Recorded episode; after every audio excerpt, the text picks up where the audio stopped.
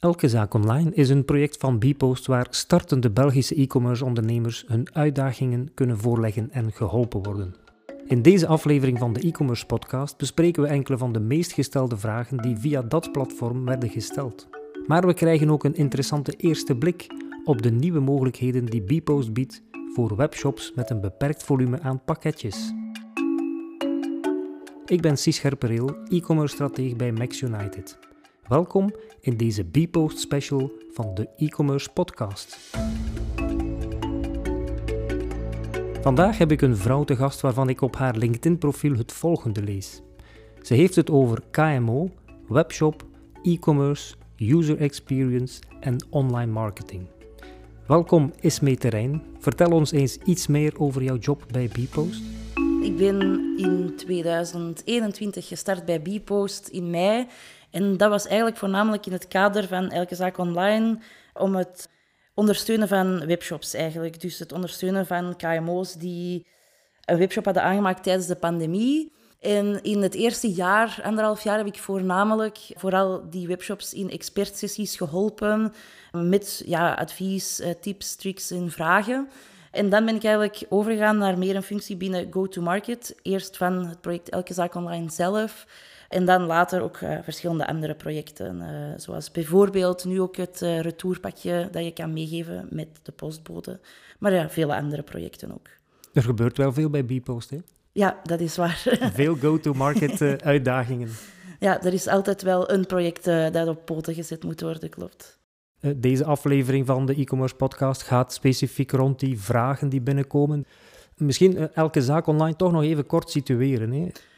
Uh, het is eigenlijk gestart in 2020, tijdens uh, de pandemie uh, met corona, toen dat heel veel fysieke winkels hun deuren moesten sluiten in maart, is het idee bij Bpost opgekomen om die ondernemers te helpen om een webshop op te zetten, om zodoende toch hun producten te kunnen verkopen. En na een jaar waren er heel wat fysieke shops eigenlijk die daar gebruik van hadden gemaakt, die effectief een webshop hadden aangemaakt. Maar um, er waren daar niet zo heel veel die effectief succesvol verzonden. Dus uh, ben ik erbij gekomen eigenlijk in 2021 dan om het project meer in een andere richting te sturen, waarbij dat we die mensen graag wilden helpen om het ook te laten werken en te laten groeien. Dus het feit dat de webshop dan ook effectief zou draaien en dat ze zouden kunnen verkopen. Dat is vandaag nog altijd het doel eigenlijk. We willen de KMO's eh, die een webshop hebben opgericht een hart onder de riem steken, ervoor zorgen dat ze eh, kennis kunnen opdoen, inspiratie, contact kunnen opnemen met een expert als ze daar uh, nood aan hebben om een paar vragen te stellen. En ja, dat ze eigenlijk een platform hebben waar dat ze met hun vragen terecht kunnen. Voor de goede orde, het gaat over meer dan puur vragen rond verzending. Hè? Ja, ja, het gaat ook over vragen rond verzending, maar ook over... Ja, er komen wel mensen op mijn webshop, maar toch verkoop ik niet veel. Uh, hoe komt dat? Of ik post van alles op social media, maar er komen geen mensen op mijn webshop. Het zijn eigenlijk ook meer die marketinggerichte vragen of ja, zelfs een beetje strategische vragen van die ondernemers eigenlijk. We gaan er straks een aantal uitplukken, ja. de veelgestelde vragen uh, vanuit dat platform. Maar we hebben het over starters, maar ook niet alleen de, de mensen die nu nog moeten uh, opstarten.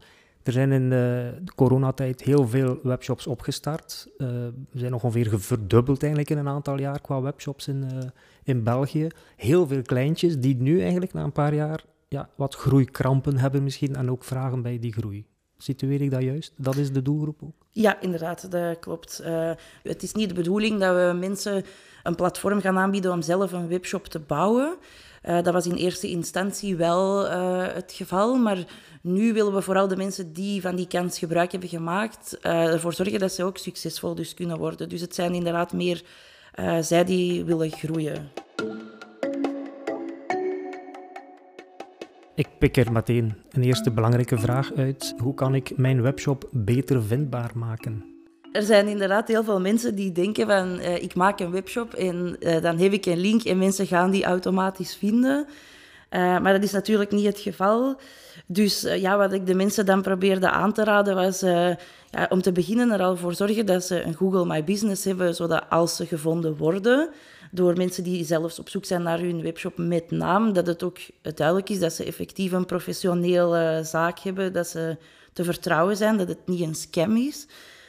Verder ook, ja, uh, die SEO, die natuurlijke referentie proberen goed te krijgen. Dat uitleggen alleen is voor die mensen al best wel uh, een grote stap. Ze hebben daar niet echt van gehoord.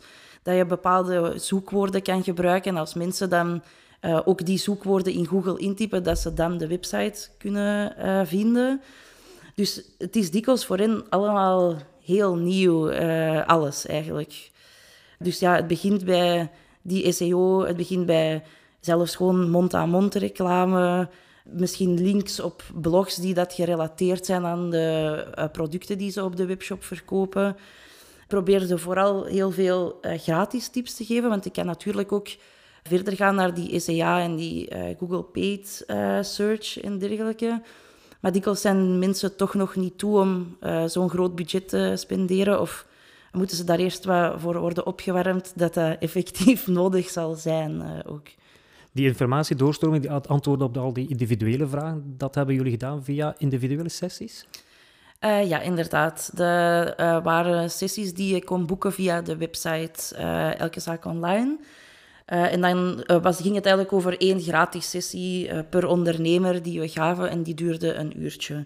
Dus meestal keek ik dan op voorhand de website om te kijken, zijn ze effectief vindbaar en waar kan ik ze eventueel mee helpen? Want soms weten ze zelf ook niet goed waar ze geholpen moeten worden eigenlijk. Maar in een uurtje zoveel maturiteit bijbrengen, dat kan wel wat ja, overdonderend overkomen. Hè?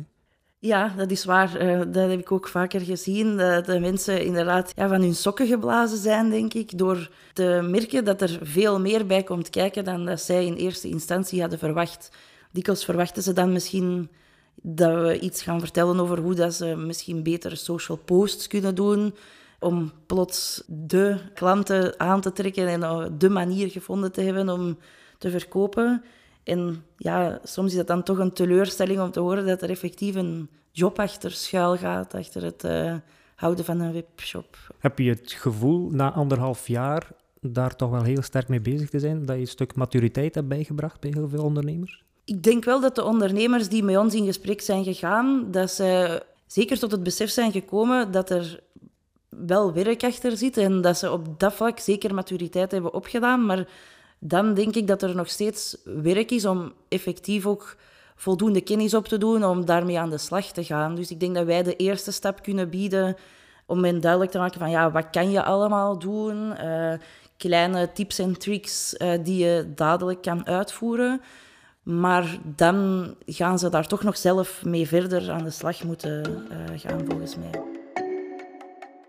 Een tweede vraag ik heb wel posts gedaan, ik heb zaken gedeeld op social media, al dan niet ook betalend. Ik heb een campagne opgezet, ik heb flyers uitgedeeld, maar hier is niks uitgekomen. Dat is vaak een terugkerende vraag, blijkbaar. Ja, inderdaad. Omdat ik denk dat mensen, uh, of ja, ondernemers, maar ik denk mensen in het algemeen schatten de medemens misschien in als heel actief en uh, als ze iets delen, dat ze dadelijk daarvan respons gaan krijgen. En soms is het dan teleurstellend om te merken van, ja, ik heb duizend volgers, maar ik doe dagelijks een post en eigenlijk heb ik bijna geen websiteverkeer of uh, ze kopen niet veel. Ja, dan moeten we dikwijls aan die mensen uitleggen, ja, als je duizend volgers hebt en je betaalt bijvoorbeeld niet voor jouw post, ja, dan is er altijd het algoritme van bijvoorbeeld Facebook en Instagram die een heel groot deel uh, van de zichtbaarheid van die post gaat tegenhouden. Dus ja, als er maar 5% van je volgers die post zien, wat blijft er van die duizend nog over die uh, een bezoek effectief aan je webshop gaan brengen? Om dan nog niet te spreken over de inschatting die mensen soms maken van ik krijg 100 bezoekers op mijn webshop, waarom heb ik geen 50 verkopen gerealiseerd die dag? Dat we ook dikwijls moeten zeggen, ja, een heel goed uh, conversiepercentage ligt bijvoorbeeld tussen de 2 en de 3 procent, waar dat ze dan ook weer van uh, schrikken, dat ze de, ja, uh, de klanten eigenlijk hoger inschatten dan in realiteit het geval is. Zeker als we het vergelijken met de fysieke wereld bijvoorbeeld, waar 2% conversie in de winkel wel heel teleurstellend is natuurlijk. Hè? Ja, dat is natuurlijk zo. Een groot deel van die mensen die nu die steun nodig hebben of die ondersteuning vragen, zijn inderdaad mensen die tijdens corona zijn gestart met een webshop, die dan zijn overgeschakeld van een fysieke winkel naar een webshop en ze vergelijken het misschien te veel met ja, hoe dat het in uh, de dagelijks leven in de webshop uh, eraan toe gaat. En dat is natuurlijk heel anders, want op een website zijn er heel andere manieren om mensen te overtuigen en gaat dat toch wel een beetje meer moeite kosten. Hoe kan ik uh, ja, van een 0,5% conversie toch naar een 2 of 3 gaan? Dan kijken we vooral naar denk ik, de optimalisatie van de webshop zelf. Dus waar dat we dan naar kijken is, ja, is alles makkelijk terug te vinden? Uh, want ze denken vaak ook, ja, ik kan het terugvinden. Dat is ook een vaak voorkomend probleem. Je bent zelf vaak op die webshop. Uh, jij vindt het makkelijk te vinden, maar je moet het eigenlijk bekijken vanuit de ogen van de klant. En wat ik ook dikwijls zeg, uh, dat klinkt misschien niet heel positief, maar je moet ervan uitgaan dat de klant lui is, dat de klant niet veel zin heeft om veel te scrollen of veel te klikken. Dus elke klik die je nodig hebt, ga je klanten laten afhaken. Dus zo snel mogelijk in de webshop, zo duidelijk mogelijk maken wat je verkoopt. En ook wat heel vaak het geval is, is dat er bijvoorbeeld belangrijke informatie ontbreekt, zoals hoe kan ik mijn product verzenden, hoe kan ik het retourneren. Toch dingen die mensen snel opzoeken, want ja, dat is natuurlijk een vraag die zich stelt. Wat als ik niet tevreden ben met mijn product, kan ik het terugsturen? En als je dat natuurlijk nergens kan vinden, dan zijn klanten misschien al snel geneigd om de webshop te verlaten. Dus dat zijn zo de eerste tips die ik dan geef. Natuurlijk, om uh, dat meer in detail moet je de webshop zelf gaan bekijken. Hè, maar... maar merk je dat in die informatieverstrekking en verplichting ook, dat daar wel uh, nog werk aan de winkel is bij velen? Ja, zeker. Er is inderdaad een verplichting om dat te vermelden, maar heel veel mensen denken, dit is bijinformatie, dat is iets wat ik van onder toevoeg. Of ik heb het ergens in een drop-down gezet, maar bijvoorbeeld op mobile kan je die drop-down zelfs niet meer zien. Dus ik denk dat ze wel weten, het is iets wat ik ergens moet zetten. Maar ik denk dat ze niet correct inschatten hoeveel mensen bijvoorbeeld in een checkout nog op zoek gaan van oei, ik heb niet, nog steeds geen informatie over de verzendkost. Ik ga de checkout verlaten en ik ga terug opnieuw op zoek naar de verzending. En als ik die niet direct kan vinden, ga ik misschien gewoon de webshop in zijn geheel verlaten. En ik denk dat ze onderschatten hoe zwaar dat, van impact is op uh, het verkoopcijfer. Een volgende vraag. Al die grote sites bieden gratis verzending aan en ik kan dat helemaal niet betalen. Hoe moet ik dat oplossen? Ja, dan zou ik zeggen van je hoeft dat natuurlijk niet aan te bieden als je het niet kan betalen. Uh, je moet ook niet proberen opboksen tegen een Zalando of andere van die giganten. Want ze gaan op alle vlakken waarschijnlijk goedkoper zijn. Het gaat niet alleen over de verzendkost gaan, maar over de producten waarschijnlijk ook. Wat ik altijd zeg is, ja, je moet ook weten wat zijn de USP's van jouw product. Hè? De unique selling points van hetgeen wat jij verkoopt. Is dat de prijs? Waarschijnlijk niet. Waarschijnlijk gaat dat je verhaal zijn, eh, de uniekheid van dat product. Dus vooral dat ook uitspelen. En ja, qua verzending is het gewoon, denk ik, belangrijk om vooral transparant te zijn over de verzendkosten en die niet weg te steken. Zoals ik net zei, uh, mensen zijn daar naar op zoek. Dus als je het wegsteekt, ga je ze eerder wegjagen van de webshop dan ze bij jou te houden. En als het mogelijk is binnen je marge of uh, binnen jouw uh, inkomsten, om dan de verzending gratis te geven vanaf een bepaald bedrag. Moet ik ook een retour-label aanbieden of meegeven in uh, het pakket? Hoe moet ik die retours aanpakken? Moet dit ook gratis zijn? Ik zou niet aanraden om het retourticket mee te geven, omdat dat voelt als een uitnodiging uh, om het product retour te sturen. En niet alleen kost dat geld, maar uh, is dat ook gewoon veel werk om retours te verwerken, denk ik, als webshop-eigenaar. Dus ja, wat ik zou doen is heel duidelijk weer transparant op de webshop zetten hoe dat een retour in zijn werk kan gaan. Dus zeg bijvoorbeeld, als je wilt retourneren, stuur een mailtje naar dit e-mailadres. Zet erbij waarom je het product retour wilt sturen. Dat vooral ook omdat je dan zelf weet welke producten komen regelmatig retour, om welke reden. Kan je daar ook weer iets aan doen om die retour te vermijden. Um, zorg dus wel dat het duidelijk is en dan kan je eventueel de retour betalen als je weet van ja, het product is bijvoorbeeld beschadigd aangekomen en anders kan je het uh, aftrekken van het bedrag dat jij gaat terugstorten aan de klant uh, na de retour. Er is een tendens om die kost en die retour-reflex uh, bijna bij de consument een stukje terug te dringen. Hè, om bewuster te zijn van wat betekenen retours eigenlijk qua duurzaamheid. Minister De Sutter heeft daar wel een initiatief in genomen om die bewustmaking bij de consument te krijgen. Is dat ook een rol voor Bpost? We hebben daar bijvoorbeeld al webinars gegeven over hoe kan ik retours vermijden. En dat gaat dan vooral over ja, heel transparant zijn over de producten, veel productinformatie meegeven, dat dat al niet de reden kan zijn om een product retour te sturen. Tegen je klanten heel duidelijk de afmetingen, foto's te tonen. Maar bijvoorbeeld ook um, webshops aan te raden om bijvoorbeeld mensen te stimuleren en ook te belonen om iets niet te retourneren. Als je zegt van heb je het product niet geretourneerd uh, binnen de 100 dagen, kan je genieten van 10% korting op een volgende aankoop bijvoorbeeld. Dan een volgende vraag. Zou het interessant zijn voor mij om ook mijn producten aan te bieden op een verkoopplatform als bol.com? Een vaak terugkerende vraag, ook bij ons. Uh, wanneer is dat interessant en wanneer niet? Ik denk dat het niet interessant is als je producten verkoopt die al door tientallen, honderdtallen andere mensen uh, verkocht worden. Want dan ga je voornamelijk gewoon in de massa verdwijnen op Bol. Uh, je gaat ook moeten betalen. Eh, het gaat trouwens ook niet alleen over Bol, maar ook over andere platformen, dat die vragen worden gesteld. Uh, wanneer kan dat wel interessant zijn als je echt een product hebt wat dat nog niet vaak op de markt voorkomt, wat uniek is, wat iets nieuw is en waar er wel vraag naar is. Want als je de enige bent, of één van de enigen die op een platform uh, een bepaald product aanbiedt, ja, dan gaat dat product er natuurlijk wel uitspringen. En dan kan zo'n platform interessant zijn, omdat er sowieso veel verkeer op komt. Dus dan kan het wel de moeite lonen om die kost van het platform te betalen, omdat dat dan te vergelijken valt met het betalen van een marketingkost om vindbaar te zijn op Google bijvoorbeeld. En dan kan die kost zelfs lager liggen voor een veel groter aantal bezoekers.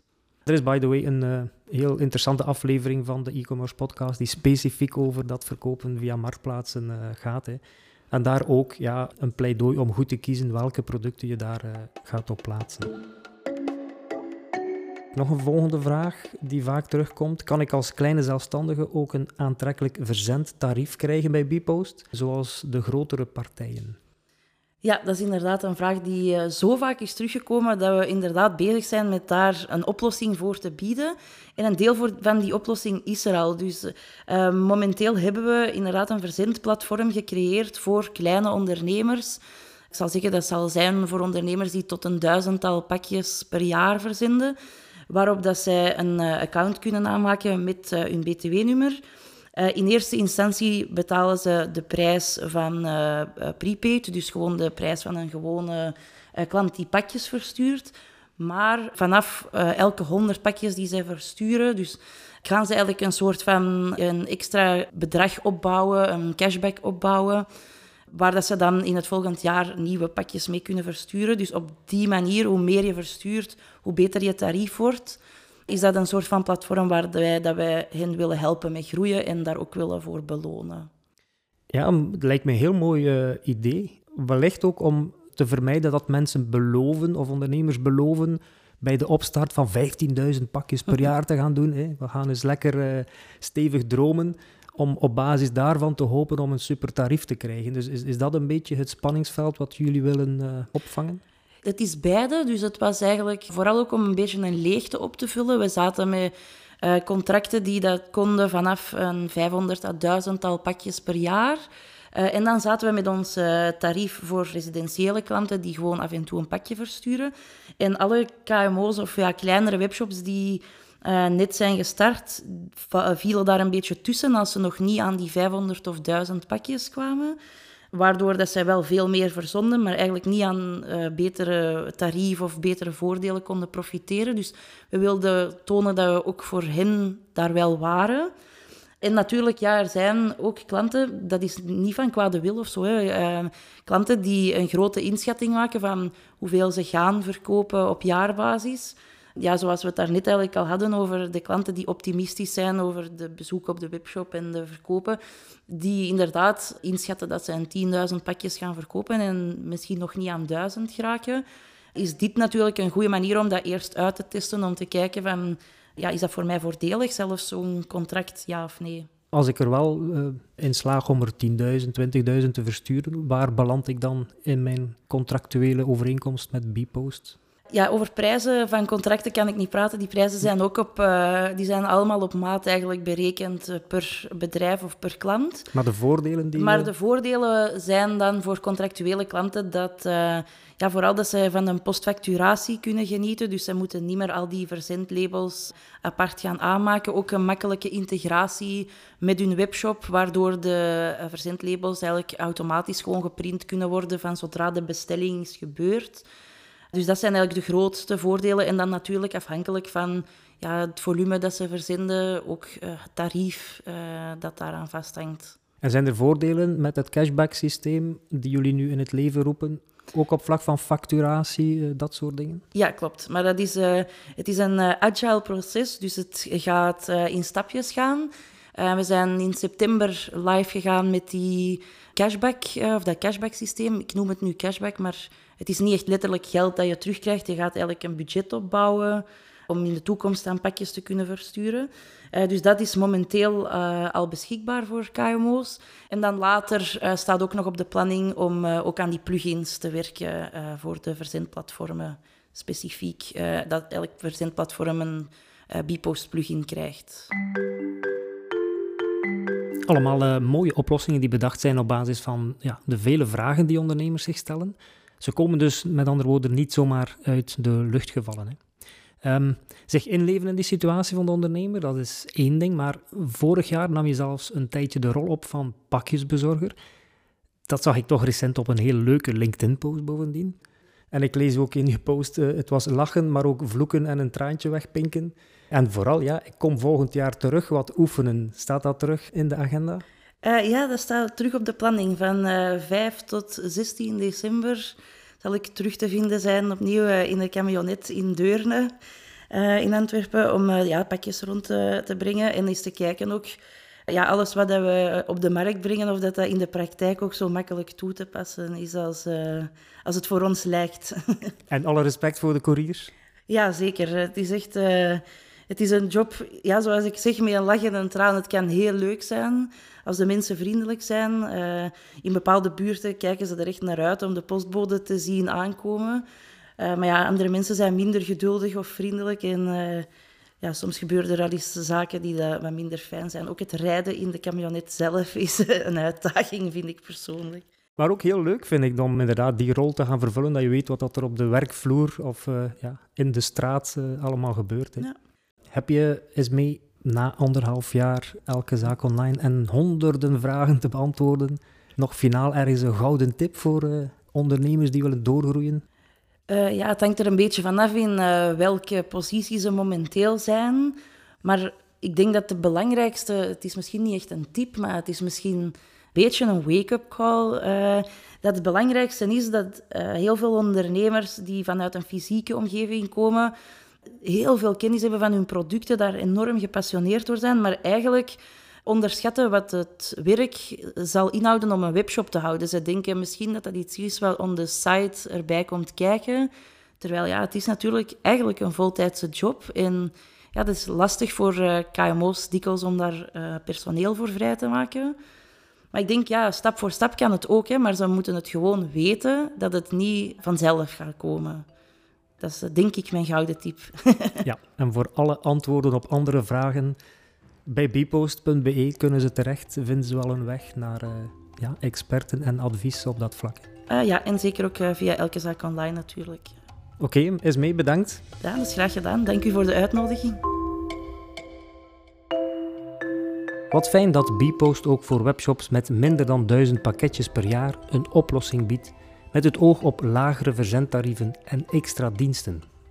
Want hoe meer pakketjes je verzendt, hoe meer verzendtegoed je ontvangt. Wil je er meer over vernemen of een account aanmaken? Ga dan naar parcel.bpost.be en kies bovenaan voor het tabblad Zakelijk. Daar ontdek je meer details over dit aanbod. Bedankt eens mee voor de toelichting en bedankt luisteraar om ook deze aflevering van de e-commerce podcast te volgen. Jouw opmerkingen of voorstellen zijn steeds welkom via mijn LinkedIn-profiel of via maxunited.be.